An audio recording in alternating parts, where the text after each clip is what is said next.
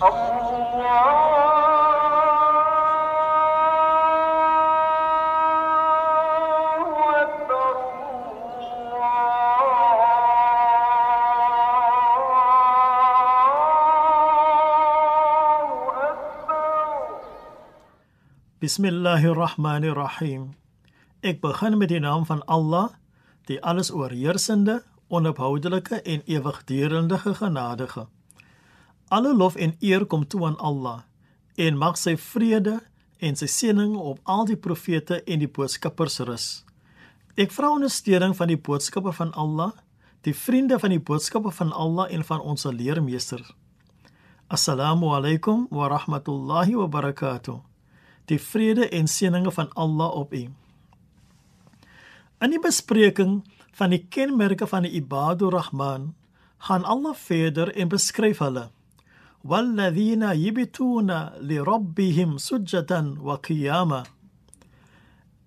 En hulle wat hulle nagte deurbring in die aanbidding van hulle Heer, neergebuig en staande. Die Nabi vrede en seëning op hom het gesê dat diegene wat met mense omgaan om hulle te help en met raad te bedien en wat deur daardie moeite gaan om met hulle menslik om te gaan is beter as om jouself af te sluit van hulle en te konsentreer op jou eie saligmaking. Die Ibadur Rahman moet ook bedag daarop wees om nie valslik nederig te vertoon nie want dit is ook 'n vorm van ri'a an-nas of vertoon voor mense. Soms kan 'n mens verkeerdelik opgesom word as vertoon deurdat hy nederig loop, effens vooroorgebuig en so voorts.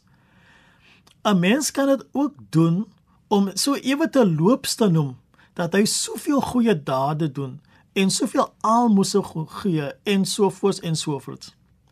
Indien jy van die Ibadur Rahman wil wees, moet jou nederigheid eg wees en nie aansitterig nie. Jy moet dus op jou voornemens fokus, jou nia moet jy fokus. Maak seker dat dit opreg is. Dit is egter vir Ibadur Rahman nodig om hulle self te versterk nadat hulle al hulle energie gespandeer het om hulle sosiale verantwoordelikhede en hulle pligte na te kom. Hierdie gemeentelike verantwoordelikhede kan ook ons geestelike verhoudings raak. Dus moet daar 'n manier wees om jouself geestelik te laai. Dit is hier wat Allah Azza die ruimte skep vir hulle deur hulle aan te raai om gedurende die nag vir hulle geestelik te herlaai, deurdat hulle na hom, na Allah kom op hulle eie sonder dat daar dat ander weet waarmee hulle besig is sonder onderbreking en die daaglikse rumoer. Hulle keer na hulle Skepper en hulle vra versterking deurdat hulle neerbuig en regop en staande voor hom aanbid. Indien jy gedurende die dag opreg in jou handelinge is met die mensdom, sal Allah dit vir jou maklik maak om in die nag op te staan en vir hom te aanbid. Indien jy goed is vir mense deur ri'a an-nas, dit wil sê om voor te gee, sal dit baie moeilik vir jou wees om gedurende die nag op te staan en vir Allah te aanbid, want daar is niemand aan wie jy jou self kan vertoon nie. O Allah, maak ons van U opregte dienaars.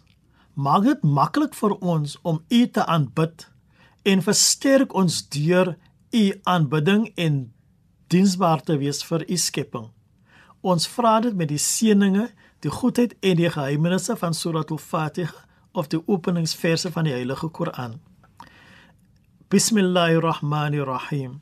Ek begin met die naam van Allah, die alles oorheersende en die onophoudelike genadige. Alle lof kom Allah toe, die Heer van die geskapende orde, die alles oorheersende genadige, die onophoudelike en ewigdurende genadige. Meester van die oordeelsdag. U alleen aanbid ons en U alleen smeek ons om hulp. Lei ons op die regte weg, die weg van hulle wie U guns verdien, nie die weg van hulle wie op wie U toorn neergedaal het nie of die weg van hulle wat afgedwaal het nie. Walhamdulillahi rabbil alamin.